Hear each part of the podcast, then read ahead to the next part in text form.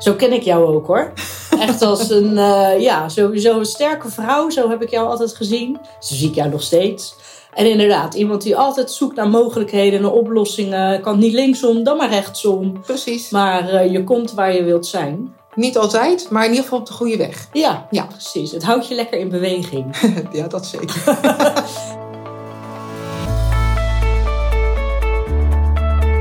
Welkom bij de podcast Jeugdzorg Next Level. Deze nieuwe podcastserie, Zekerder met Ouders, heb ik voor jou opgenomen, zodat je met nog meer zelfvertrouwen de begeleidingstrajecten kunt uitvoeren. Samenwerken met ouders is enorm belangrijk en voor veel jeugdprofessionals een uitdaging. Met deze podcast ontvang jij tips, inzichten en ervaringsverhalen om je werk meer diepgang te geven. Veel luisterplezier!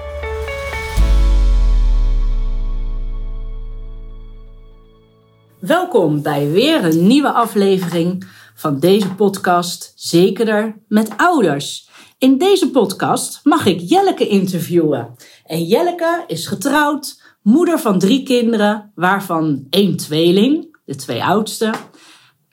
Jelleke, welkom. Wat superleuk dat je er bent. Ja, dankjewel. Heel leuk om, uh, om hier te mogen zijn en mee te mogen doen. Nou, dat vind ik ook. hey, als, we eens, uh, als we het eens hebben over Jelleke. Wie is Jelleke? Ja, dat is een mooie vraag. Dat vind ik ook een lastige vraag om te beantwoorden. Iemand met veel rollen. Ik werk, ik ben moeder, uh, echtgenote, vriendin. Nou ja, eigenlijk dat in het kort. Ja, ja. nou inderdaad. En uh, wat voor een moeder? Eentje die heel druk is. Uh, druk met werk, druk met. Uh, en werk doe ik dan meer voor de ontspanning, want de, ja, de druk ligt thuis. Uh, drie kinderen met alle drie een diagnose. Ja, dat maakt het wel, dat wel druk, maar tegelijkertijd leerbaar en, en ja, eigenlijk altijd proberen dingen van de positieve kant te blijven bekijken. Ja, dat, mooi. Ja. Zo ken ik jou ook hoor. Echt als een, uh, ja, sowieso een sterke vrouw. Zo heb ik jou altijd gezien. Zo zie ik jou nog steeds. En inderdaad, iemand die altijd zoekt naar mogelijkheden, naar oplossingen. Kan niet linksom, dan maar rechtsom. Precies. Maar uh, je komt waar je wilt zijn. Niet altijd, maar in ieder geval op de goede weg. Ja, ja. precies. Het houdt je lekker in beweging. ja, dat zeker. hey, want hoe oud waren de kinderen toen jij dacht of voelde van... hé, hey, volgens mij uh, loopt het anders dan ik uh, had bedacht of verwacht... of dan het hoort? Nou ja, ik weet het niet. Je zei het net al, hè, de oudste twee zijn een tweeling, die zijn inmiddels 16. En de eerste vier had ik zoiets van, nou, zo kan ik er wel tien hebben. Relaxed van de regels. Als ze moesten eten, dan zaten ze ook stil en bleven ze zitten. En tot hun vierde jaar ging dat eigenlijk heel goed, tot ze naar school gingen. Ah. En vanaf dat moment, eigenlijk hoorden we na drie weken al van een van de twee, kon niet in de kring blijven zitten, ging veel weg. En toen had ik van, ja, hallo, hij zit net drie weken op school. Um, vlak voordat ze naar school gingen, kregen ze een zusje. Ja, wat wil je nou eigenlijk? Hè? Logisch, van een vierjarig kind. Uh, wat, wat, wat wil je daarmee? Nou, dat ontaarde eigenlijk al heel snel in veel begeleidingsgesprekken. En dat we regelmatig op school moesten komen voor gesprekken. Maar wanneer het echt pas uh, ging leven, was tijdens kinderfeestjes. Hè, begint dat um, onze mannen, want de tweelingen zijn twee jongens, drukker waren eigenlijk dan andere kinderen. En ook als kinderen kwamen eten tussen de middag, uh, moest ik mijn taalgebruik aanpassen aan de andere kinderen. Mijn kinderen snapten mij heel goed, dat ik dacht van, oh ja, logisch. Wij hadden een hele andere belevingswereld. Veel, als ik het even heel oneerbiedig mag zeggen, wat eenvoudiger, wat simpeler. Mhm. Terwijl mijn jongens veel meer nadachten en veel meer verbinding legden. En, uh, maar goed, dat was nog steeds geen alarmbel. Hè? Ik bedoel, want vanuit je opvoeding geef je wat mee. Ja. Um, um, en uiteindelijk ging het na vier jaar ging het echt mis, zal ik maar zeggen, op de basisschool waar we zaten. En toen gingen we naar een andere basisschool waar we wel een goed gevoel, of nog een beter gevoel bij hadden, zo moet ik het zeggen. En toen, eigenlijk na een maand of drie, toen zei de juf, uh, waar de jongens voor het eerst bij elkaar in de klas zaten, samen. Er is wat met ze. Ik weet niet precies wat, maar er is wat met ze. Er zit een soort van bubbel. En ik zou het dus laten onderzoeken. Okay. En dat was eigenlijk het moment, ja, hoe de boel op gang werd gebracht. Ja, ja, ja. Oké, okay, dus de eerste periode was het meer in de klas vanuit het onderwijs dat het werd, eh, werd aangedragen. En op een gegeven moment merkte je het zelf ook in de thuissituatie. In vergelijking met andere kinderen. En wat ging er door je heen? Nou, niet zoveel. Nee, ik heb er eigenlijk geen oordeel over. Het is wat het is. Ja. En dat klinkt altijd heel simpel, maar je kan niets aan de situatie veranderen. Nee. Ja, en dan kom je in een situatie, ehm zal ik maar zeggen, het einde van het schooljaar. Na het eerste jaar op die nieuwe school. Ilse ging tegelijkertijd ook naar die school. Dat ook vanuit Ilse eh, regelmatig eh, vanuit het eh, onderwijs eh, ehm, ja, de, de, de, de, de signalen kregen dat er toch echt wel dingen aan de hand waren. Van nou, als de broers toch meegaan, neem haar dan ook meteen mee. En eh, nou, zo kwamen we eigenlijk in trek bij eh, specialistische GGZ. Waarin eh, ja, de diagnose ehm, ja, tot stand werd gebracht. Ja. Ja. ja. Nou, dat is best wel een intensieve periode geweest, kan ik me zo voorstellen. Ja, nou ja, daar merk je eigenlijk op dat moment nog niet zo heel erg veel van. Ja, heel veel heen en weer rijden, want de een heeft die onderzoek, dan heeft dat onderzoek en nummer drie heeft weer een ander onderzoek. Maar het moment van diagnose, eh, begint het horen van de diagnose, die was wel heftig, want we kregen van alle drie de diagnose op één ochtend achter elkaar. Zo. Dat hakte erin. Ja, dat Ja. kan ik me voorstellen. Ja. En wat zorgde, er dan dat, wat zorgde er dan voor dat het op jullie inhakte? Nou ja, niemand hoort graag dat zijn kind iets mankeert. Nee. Dus dat maakt het al heftig. Ehm de jongste was vijf. En nog bij de kleuters dat ze zeiden van en, ze- en, en meteen aan de medicatie. Ja, Oké. toen had ik zoiets van wow, dat vind ik wel heel heftig, want ze is pas vijf. En Ja. ehm, weet je, ze gaat volgend jaar naar groep drie. Laten we eerst dan kijken wat de structuur gaat bieden voor dat. Dus zo heftig was het. Ja. Aan de andere kant ook een soort van berusting van, oh, oké, het ligt dus niet aan ons. Het is een andere oorzaak dat ze dingen anders doen dan, ehm, dan het gemiddelde, Dan de gemiddelde, kind. ja, ik wil zeggen, want er is geen gemiddeld kind, Nee, maar lastig hè? Maar ja. Ja. als je dan gaat vergelijken, dan het Precies, gemiddelde. ja. ja, ja. eigenlijk dat. Ja. Oké. En vanaf dat moment, wat, eh, ja, ik kan me voorstellen, je leven staat ook op zijn kop. Dat je ineens eh Ja, een diagnose hebt. Nee, je hebt geen tijd om erover na te denken. Je wordt gewoon geleefd. Je wordt geleefd, Ja. je gaat gewoon door daar waar het is. Eh, toen hebben we contact opgenomen met de gemeente. En daar een gesprek met iemand ehm, ja, van, de, van het Centrum voor Jeugd en Gezinnen, CEG. Of bij ons heet dat het kernteam. En weer een andere gemeente heeft het weer een andere naam. Ja. Om eens te vragen van, joh, en nu? En nu, ja, want ik kan me voorstellen dat je denkt, ja, oké, leuk, hebben we een diagnose, maar wat nu? Wat, Ja. wat kan je ermee? Precies. Want was je er bekend in? 0,0? in eh, het hele, nee. Niets. Dus Nee. het is allemaal nieuw, nieuw, nieuw. Nou ja, ik werk zelf in het onderwijs, dus ik had natuurlijk wel iets van de zijlijn meegekregen, maar ja, dat is maar het topje van de ijsberg. Dat je het een keer gehoord hebt van eh, leerproblemen en dat soort zaken, maar om nou te zeggen dat je inhoudelijk daarvan op de hoogte bent, nee. Nee, Nee. nee. Dus gewoon een hele nieuwe wereld ging er voor jullie Een open. hele nieuwe wereld voor ons. Ja. open. ja. En hoe vond je de begeleiding daarin? Nou ja, vanuit de GGZ ehm, kregen de kinderen psycho-educatie, in ieder geval de oudste twee, hè, voor autisme en voor ADHD. En ja, dan krijg je ook een eh, soort van eh, behandelcoördinator of zorgcoördinator. Nou, dat Mhm. liep in het begin ook allemaal niet heel vlot. En dan krijg je wisselingen van personeel, en, ehm, waardoor er een aantal zaken gewoon eh, niet snel zijn opgepakt. Maar goed, als het één keer loopt, dan loopt het. En ehm, nou, we hadden ehm, na korte wisseling echt een hele goede die we vrij lang gehad hebben. Nou. En ja, toen kwamen de, ja, de cursussen en eh, dat soort dingen. Hè. Dus, ehm, en dan zaten wij bij eh, de Jutters, of tenminste toen heette het de Jutters, Oh ja, dat heet nu ja. Joes. Ja. Ehm, ja, en dan uiteindelijk, ehm, ja, je, je stapt op een rijdende trein en je, je, je realiseert eigenlijk niet goed wat die rijdende trein inhoudt. Dus je Nee. leert aldoende. Ja, ja. Ja, en eh, ik kan me voorstellen wat je zegt. Het is de rijdende trein waar je instapt. En ja, geen idee wat de bestemming is.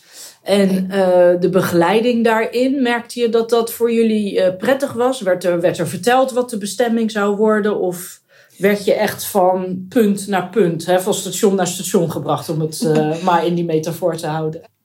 Nou ja, eigenlijk meer in de zin van een, ehm, nou ja, maar van punt naar punt. Ja, En ehm, het is, bij de gemeente hadden ze ook die kennis niet. Dus moesten ze ook ja, eigenlijk samen met de gemeente gaan zoeken naar mogelijkheden.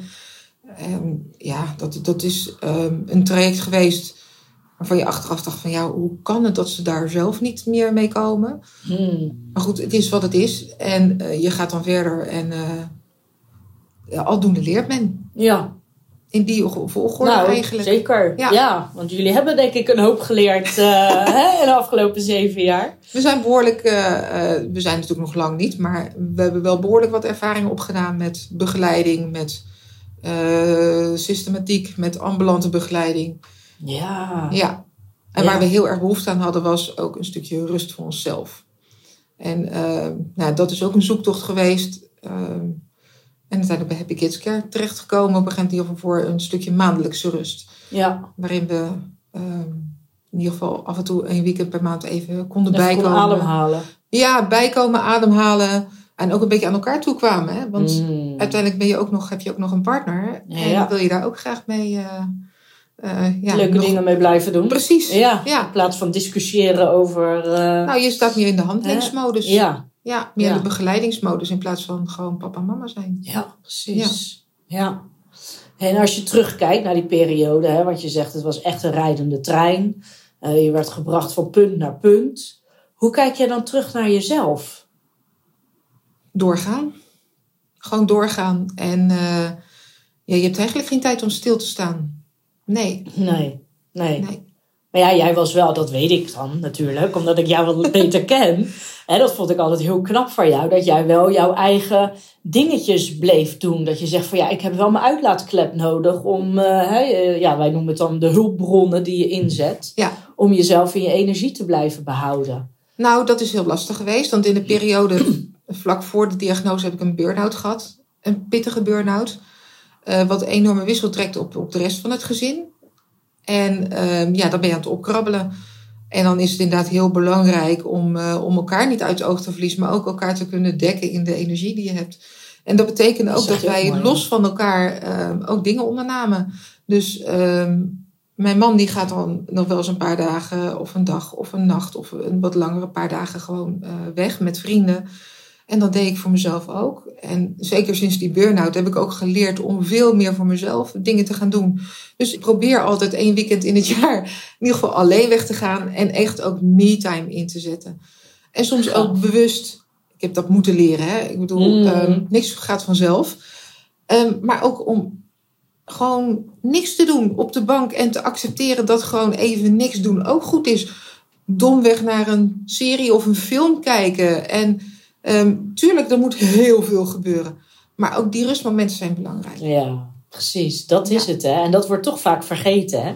Ja, en kijk, en dan nog een beetje sporten daarnaast. eh, maar wel proberen in balans eh, te blijven. Ja, ja, ja. Ja, want je moet gewoon ook je energie goed kunnen Ja. verdelen. Ja, En dat blijft een punt, altijd een punt van aandacht. Hè? ja, ja, ja. Het is Ja. een ongoing process. hè? Ongoing process. Maar het is wel fijn om te weten wat je kan doen om weer nou ja, Ja. in je eigen energie te komen. En Ja. dat heb je gewoon echt nodig. Ja. En heb je het gedeeld met de kinderen, hun diagnose? Kan jij dat nog eh, herinneren? Ja, daar hebben we heel lang over getwijfeld of we dat zouden doen.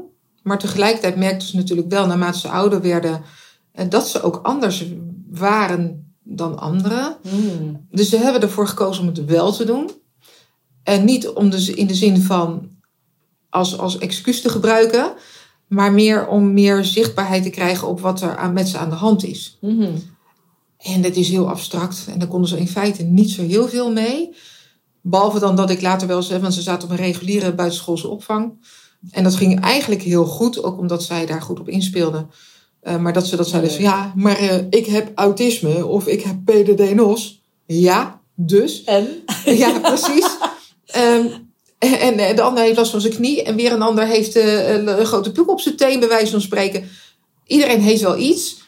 Eh, maar ga er maar, ja, je zal moeten leren daarmee omgaan. Want Hmm. de anderen zijn ook, iedereen heeft zijn eigen ding. Ja. Ehm, alleen bij jou is minder zichtbaar. Een gebroken been zie je en autisme zie je niet.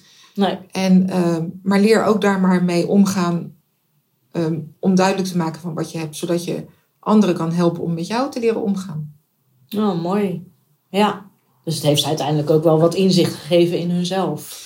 Ja, en soms ook wat hardere leerschool. Hè. Het begint in een situatie dat, dat... Ik kan me herinneren dat een van de twee jongens ook wel eens een keer zei...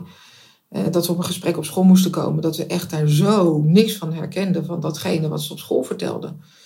En dat we dat thuis bespraken. En niet in de verwijtende sfeer, maar gewoon in de sfeer van... joh, maar, maar hoe kom je daar zo bij? En ehm, wat is dan de reden dat je dat zo vragen verteld hebt? En eh, ja, toen kwam die echt zo van... ja, dat stomme autisme. En eh, hij zei iets ander woord, maar ik noem het even Mm. netjes. Ja, Ehm, daar, waarin hij wel steeds meer bewust werd van de beperking die, die, die, die het hem oplevert. ja, ja, Ja. ja. Ja. Omdat hij dat moeilijk vond om te accepteren. Ja, maar ook dat weg eens... te vinden. Precies, dat. ja, Ja, dat is het. Ja. Ja, ja. En eh, nou ja, je hebt voor de kinderen ook veel begeleiding ingezet. Ja. Zodat ze uiteindelijk steeds beter zichzelf leren kennen. Beter weten hoe ze daarmee omgaan. gaan. Maar ja, ik kan me ook voorstellen, dat is ook wel ineens een inbreuk in je privacy. Hè? Iemand komt bij je over de vloer. eh, je gaat toch een stuk van je leven delen. Hoe heb jij dat ervaren? Ja. Ehm, ja, dat is een combinatie geweest natuurlijk van, vanuit Happy Kids Care met ambulante begeleiding en logeerbegeleiding. En vanuit de eh, GGZ een stukje IAG, intensieve ambulante gezinsbegeleiding. Even uit mijn hoofd, want al die afkortingen, daar word je soms helemaal kriegel van. En uiteindelijk vroeg ik van, ja, maar wat kom je nou eigenlijk doen? Hè? Ik zeg van, ja, zoals eigenlijk is het meer een klankbord zijn. Aanhoren van hoe gaat het, hoe loopt het. En in het begin heb je zoiets van, nou, al die mensen over de vloer, dat wil ik allemaal niet. Maar dat is een groeiproces, daar ga je vanzelf in mee. Ja, Want uiteindelijk, ja, tenminste, wat voor doel heb jij voor ogen voor je kinderen? Wij hebben geen geheimen. Dus laat iedereen maar over de vloer komen en maar ervaren van wat het is en wat het niet is. En soms kan dat ook heel waardevol zijn. Hmm. Ik weet nog één keer, eh, een van de ambulante begeleiders, eh, die eh, was net gearriveerd en een van de jongens was er niet. En die komt thuis op hoge poten en dan zie je dat ze de hele dag hun energie hebben moeten sparen. En dan komen ze thuis in een vertrouwde omgeving en dat was een vulkaan die ontplofte. Oh, maar zo heb ik hem nog niet eerder gezien, niet tijdens de weekenden of... Nee, zeg maar, dit is dus de andere kant. ja. Dus daarin kan het ook een heel waardevol eh, iets zijn ehm, om juist in die vertrouwde omgeving ook de kinderen, maar ook de ouders mee te, te zien. Ja, ja, ja, precies. hoe dat dan gaat. En ook de interactie. Want kinderen blijven gewoon thuis. En ik ook. Ja, Of wij ook in ieder geval. Dus eh, ja. ja, inderdaad, dat is ook zo. En als je terugkijkt voor jezelf, wat was voor jou een, een, een eye-opener in die periode? Dat je zegt van, oh zo, dat is wel eh, iets wat ik eruit geleerd heb. eh, wat, wat mij tot op de dag van vandaag nog steeds heeft geholpen. Nou ja, met name eigenlijk het stukje plaatsen van de diagnose. Hè. Ze kunnen er echt niks aan doen. Dat is geen vrijbrief om maar te kunnen doen en laten wat ze willen. Want dat is zeker niet het geval. Dat heeft me wel geholpen in de zin van... Kijk, de wereld zit niet autistisch in elkaar. En het is continu zoeken van waar kan je aansluiten vanuit de maatschappij naar hun belevingswereld. Naar de belevingswereld van in ieder geval de oudste twee. Die jongens Ja. heeft enkel ADHD. Ik zeg dan maar even zo. Ja, ja. Eh, maar vooral de oudste twee hebben een combinatie autisme en ADHD. En ja, ze hebben gewoon een andere beleving. Hmm. En hoe sluit je dat nou aan op de, op de maatschappij? En dat continu, dat, dat raakvlak, wat soms schuurt en soms ook moeiteloos in elkaar overgaat, maar soms ook heel ver van elkaar afstaat. Om dat continu met elkaar te verweven. Ja, ja, precies. We hebben een voorbeeld, we hebben een planbord hangen. Waarin iedereen het rooster met picto's en dat soort dingen. En, eh, en eh, nou, de tafeldekbeurt. eh, ik vind het heel normaal om thuis een enkel klusje te hoeven doen. Ik bedoel, je hoeft echt niet het hele huishouden te doen. Maar een tafeldekken, de hond uitlaten, dat soort zaken vind ik gewoon heel belangrijk. En nou, ze hadden zelf bedacht hoe dat moest ingedeeld worden. En ik denk, ja jongens, eh, het leven zit ook niet eh, volgens de systematiek in elkaar. Nee. Dus heel toe, af en toe, dan verplaatste ik eh, die picto's. Nou, dan was het, er waren de rapen gaar. Ja, dan even testen of dat kan. ja, dat kan dus. Maar dan was Ja. het zo van, ja, maar dat is mijn dag niet. Ja, maar soms, moeten we, en soms kan het ook niet anders. Hè? In geval met sport. Hè? Ehm, Ze sporten ook alle drie. En soms begint, heeft die training en die training. Dan moet iemand anders dat doen. Dus dan moeten we ruilen. Nou, dat werd dan toch maar weer teruggewisseld. Want dat Ah, werkte dan dat weer werkte. niet. Nee, nee, nee. Oh. Nee, dus eh, zolang het bij het goede blijft. Hè, en, ik, en soms dan doe ik dat nog steeds. En, en soms ook gewoon confronterend zijn. Jongens, Ja, het kan soms gewoon niet anders. En ja, dat schuurt soms. Ja. En, soms uh, en de ene keer zijn ze daar begripvoller dan de andere keer. Ja, ja, ja, ja mooi. En op planbord, was dat iets wat, wat uh, bij jou al opkwam? Of is dat iets wat geadviseerd werd? Of is dat... Uh... Oeh, dat is wel heel lang geleden. Dat, dat weet ik niet meer zo goed. Maar we hadden wel... Um, we hadden wel zelf ook behoefte aan meer structuur. Van Hmm. hoe... want ik was eigenlijk die, ehm, ik was die discussies iedere keer beu. Ah, ja. En ja, maar hoe, dan ga je zoeken naar mogelijkheden. En uh, ja, zoeken naar iets. We gaan van, nou ja, ik ben inmiddels ook lid geworden van uh, uh, Facebookgroepen. Van mensen, ouders met kinderen met autisme. En nou ja, een van de twee jongens heeft dan MCDD. Dus ook een stukje herkenbaarheid zoeken. Want ik ben zelf niet een actieve poster, maar wel meelezen. Mm -hmm. En, um, en soms haal je daar wat tips uit. Nou, dat planbord kwam daar ook onder andere vandaan. Van, oh ja, misschien moeten we daar eens naar kijken. En dat geeft een stukje rust, want op het moment ja. dat het op planbord staat, dan is het gewoon zo. En ook wanneer ze moesten overblijven, wanneer er sport is en dat soort dingen. Ja. Dus dat gaf ja, wat meer rust en meer structuur. En die discussies waren van de baan. Nou, dat scheelt, want Goed. daar loop je vaak op leeg. Ja, ja. Op die discussies. Ja, dat kan ik me voorstellen. Ja. Oh, wel mooi dat je daar zoiets zelf op hebt gevonden. En inderdaad, wat je zegt, dat je wel op zoek gaat naar anderen, hè, naar een soort van verbinding, naar herkenning bij andere mensen. Ja. Dat je weet, ik ben niet de enige die, uh, nee. die hierin zit, maar ook voor tips en tricks. Nou ja, we hebben een museumjaarkaart. En wat wij heel graag doen, is die jongens ook, of tenminste alle drie, meenemen naar musea. En dan kiezen we natuurlijk wel musea waar ze zelf ook wat mee kunnen. Hè? Vooral het Doelmuseum. In Ja. Den Haag heb je het museum. Het Van Alles Museum wordt dat bij ons genoemd. Ik kan ze loslaten. En ehm, ja, ze, ze hebben ze natuurlijk heel vluchtig. En, ehm, maar tegelijkertijd halen ze wel heel veel info af. Ze kunnen natuurlijk heel veel dingen doen. Ehm, het Zuiderzeemuseum is vaste prik. Het begint al met een boottochtje daar naartoe. Vanaf de parkeerplaats. En ze kunnen daar gewoon doen en laten waar ze Gaaf. willen. Weet je wel, dat soort dingen. Ze krijgen wel voldoende prikkels, maar tegelijkertijd kunnen ze zelf ook doseren in wat ze gaan doen. Ja, je bent, en dit gaat niet zozeer om de educatie, maar wel gewoon de, het, het normale leven opzoeken. Maar wel binnen de mogelijkheden die er zijn. En soms een klein beetje het randje opzoeken en er net overheen gaan. Want dat helpt ze namelijk ook om.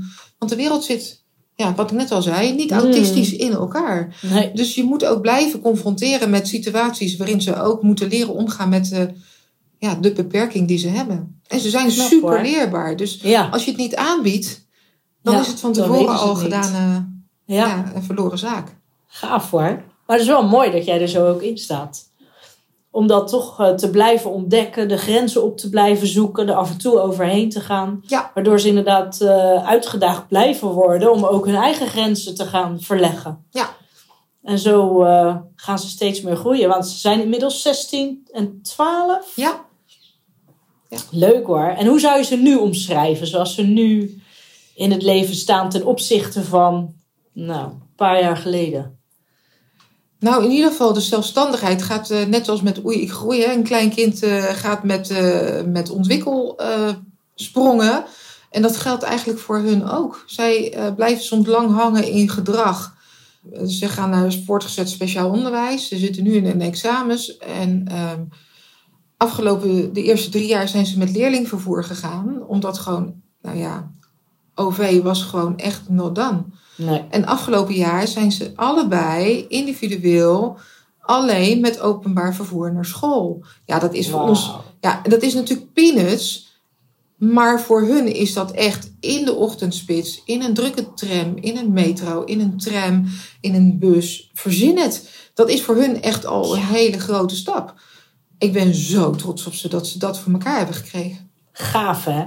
Ja, nou, daar hebben jullie ook met z'n allen kaart aan gewerkt natuurlijk om dat voor elkaar te krijgen. Ja, nou, daar heeft vooral eh, ambulante begeleiding heeft daar natuurlijk behoorlijk een eh, rol in gespeeld. Omdat je bent nog steeds ouder en je zit wel in de begeleidende rol. Hè, die rol van ouder, die naarmate je, eh, ze ouder worden, wordt, zit je meer in de begeleidende rol. Ehm, maar dat stukje ambulante begeleiding heeft daar vooral in geholpen om dat voor elkaar te krijgen. Ja, Ja, gaaf, hè? En dat is het, hè? Je bent door zo'n, ja, wat je net al zegt, zo'n, ook wel mooi eigenlijk. We hadden het net over de metafoor met hè, de treinen en de stations. En nu Ja. hebben we het over dat ze gewoon zelf Ja. met het openbaar vervoer ja, eh, naar, hun, eh, ja, naar het onderwijs kunnen, naar school kunnen. Echt mooi. Ja. en dat is ook altijd fijn om te weten voor jezelf uiteindelijk. Dat het, eh, je moet erin blijven investeren, want het gaat niet vanzelf. Niets gaat vanzelf. Niks gaat vanzelf, Nee. nee. En jij, eh, jullie, eh, je partner ook natuurlijk, hebben wel opengestaan voor begeleiding. En Ik denk dat we het niet zonder hadden gekund. nee, Nee. nee, mooi. Maar heb je dan ook wel eens gehad dat je dacht van oeh, ik vind het helemaal niet prettig, de persoon die hier over de vloer komt, of wat er nu wordt gezegd, of Tuurlijk. En Ja. hoe ging jij daarmee om? Durfde je daarin je grenzen aan te geven? Ja, wij wel. Gelukkig. Ja. Ehm, kijk, we geven mensen altijd een kans. En soms meerdere kansen. Maar op een bepaald moment ehm, hebben we ook een keer een grens getrokken. Zo van, joh, dit gaat gewoon zo niet langer. We hebben ook geen vertrouwen meer daarin. Tot hier en niet verder. En dat hebben we ook uitgesproken. Ja. Ja, oh wat goed. Ja. Ja. En hè, zonder te veel in detail te treden Mhm. natuurlijk. Maar ja, ik kan me heel goed voorstellen dat je dat ook afweegt. Van ja, wat, wat is wijsheid? Hè? Want eh, het is iemand die er is voor je kinderen, voor jullie. Met alle goede bedoelingen. Maar ergens voel je van hé, hey, dit is gewoon niet eh, voor mij de richting of eh, Nee. hè, de plek wat, wat oké voelt. Precies. Ja. Nou ja, kijk, ehm, zoals mijn man en ik erin staan, wij bekijken het continu vanuit het welzijn en het welbevinden van de kinderen. En wij komen op plan 2 en 3 en 4 en de rest. Ehm, en niet omdat zij gelukkig moeten worden, maar simpelweg omdat we zoveel mogelijk ja, mee willen geven om zich te kunnen redden in de huidige maatschappij. Ja. Dat is onze insteek. ja, mooi. En daar staan we echt samen sterk voor. En dat betekent ook om aan te geven waar je eigen grenzen liggen en wat wel en wat niet lukt. Mm. Want wij hadden niet voor elkaar gekregen wat ambulante begeleiding voor elkaar hebben gekregen. Vreemde ogen dwingen. En dat is in dit geval ook echt, ook echt gebeurd. Ik bedoel, Ja. wij hadden ze niet eh, in dat OV gekregen als dat niet door ambulante begeleiding ook was ingezet. Nee, mooi. En als je terugkijkt naar, eh, hè, want je hebt best wel veel eh, begeleiding eh, gehad. Er zijn best wel wat mensen de revue gepasseerd. Wat heeft voor jullie iedere keer het vertrouwen gegeven dat je met deze mensen kon samenwerken? Als je niet uitgaat vanuit vertrouwen, dan lukt helemaal niks. Nee. Dus je zal eerst. Kijk, mensen krijgen niet voor niks een papiertje. Ze hebben ergens bewezen dat ze het ergens toe in staat zijn. En ga dan eerst uit van vertrouwen. Mm. En spreek met elkaar dingen goed af. Wat voor zijn de doelen? Wat zijn de verwachtingen die je hebt van elkaar? Ja. Wat verwacht jij van hun? Wat verwachten ze, kunnen zij van jou verwachten? En spreek dat ook naar elkaar uit. Als je dat niet hebt, je moet, zal dat eerst helder moeten hebben om van daaruit verder te kunnen gaan bouwen. Ja. Want anders kan, kom je nergens. Nee. En hadden jullie dat al duidelijk van tevoren, wat jullie Wel, nee. verwachtingen zijn? Nee. Wel nee. En eh daar kwamen ze weer. van, Ja, we moeten doelen weten. Nou, ik, moment kreeg er eh, een punthoofd van. Ik denk van, ja, Ja. jongens, maar weet je, wat willen jullie nou? Wat willen jullie? Dus eh, ook voor, voor, voor hulpverleners, geef handvatten om, ehm, om ouders te helpen doelen te stellen. Het punt is, wij Mooi. zitten in een situatie waarin wij niet beter weten. En dat klinkt heel vaag, maar wij weten niet beter. Wij zitten ook in een situatie waarin dit voor ons normaal is. Ja. En ja, zoek het dan maar uit. Ja, en je hebt door de, eigenlijk door de begeleiders die over de vloer komen, heb je nodig dat ze je op weg helpen om Ja. die inzichten te geven, om een bepaalde richting op te Ja. wijzen, om Ja. Eh, inderdaad te helpen met de doelen te formuleren. Want Precies. inderdaad, ja, op school hè, en eh, tijdens de studie worden ze ermee doodgegooid. Hè? Ja. Het moet zo smart mogelijk zijn. Prima. Maar in je eigen leven, hè, in, in de opvoeding, ben je daar natuurlijk helemaal niet mee bezig. Eh, nee. Ja, je hebt een groter doel. Om Ja. uiteindelijk als een stel goede volwassenen, tenminste dat mag je hopen dat dat lukt, Ja, om ze dat mee te geven. Maar tegelijkertijd om ze bij die algemene dagelijkse ja, eh, zaken te helpen. ja, is heel simpel. Als dagelijks douchen of om de dag douchen, dat was voor ons al een punt. Opstaan, naar bed gaan, nou ja, en alles eten, drinken.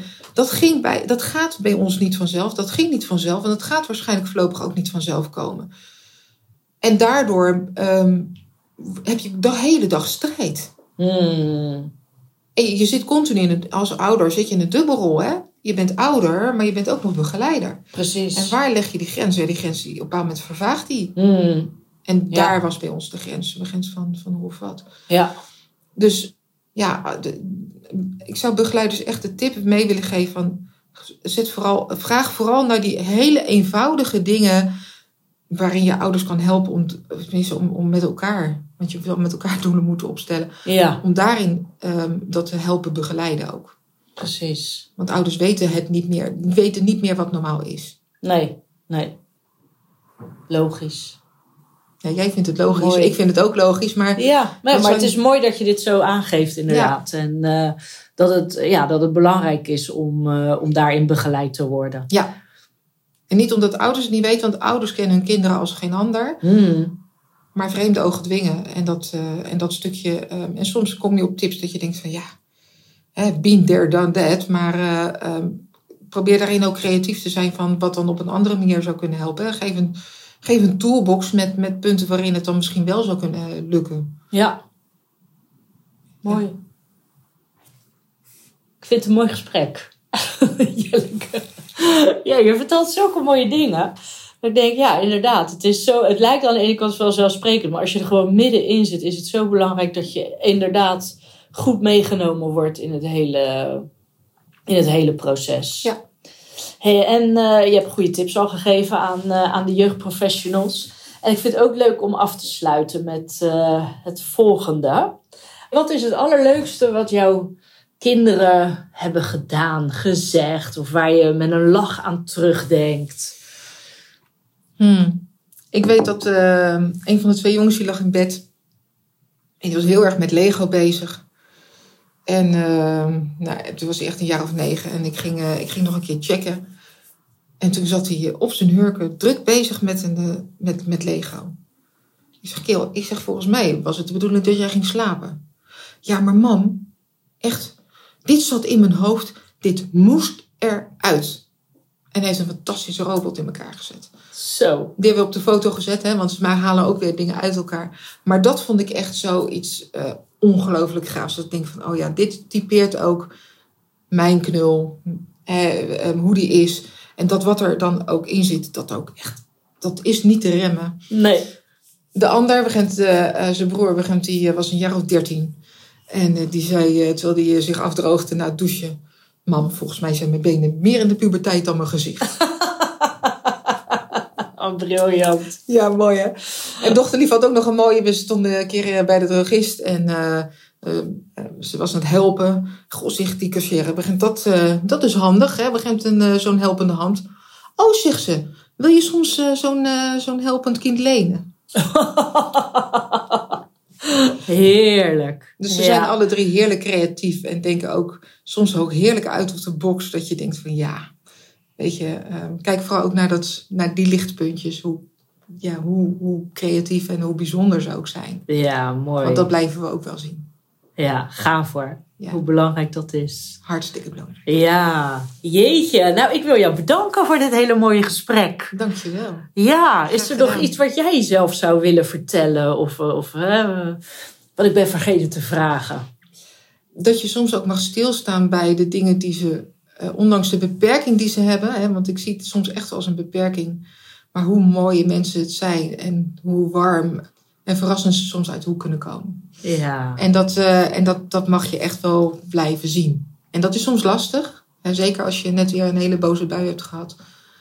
Maar het zijn zulke mooie mensen. En ze hebben zoveel te bieden in de maatschappij. Mm. Dat ik soms denk van, weet je, maar daar mag de maatschappij ook wel meer over hebben.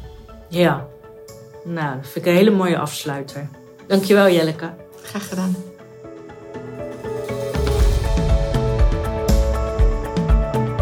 Dit is alweer het einde van deze podcast. Ben jij geïnspireerd geraakt en wil je ook groeien naar jouw next level? Kijk dan eens op de website www.hkcacademy.nl voor meer informatie over trainingen, events en de laatste nieuwtjes. Je kunt mij ook volgen via de socials, het HKC Academy, voor leuke tips en ideeën, zodat jij je klanten naar de next level kunt begeleiden. Ik zie je snel bij een training, event of via de socials.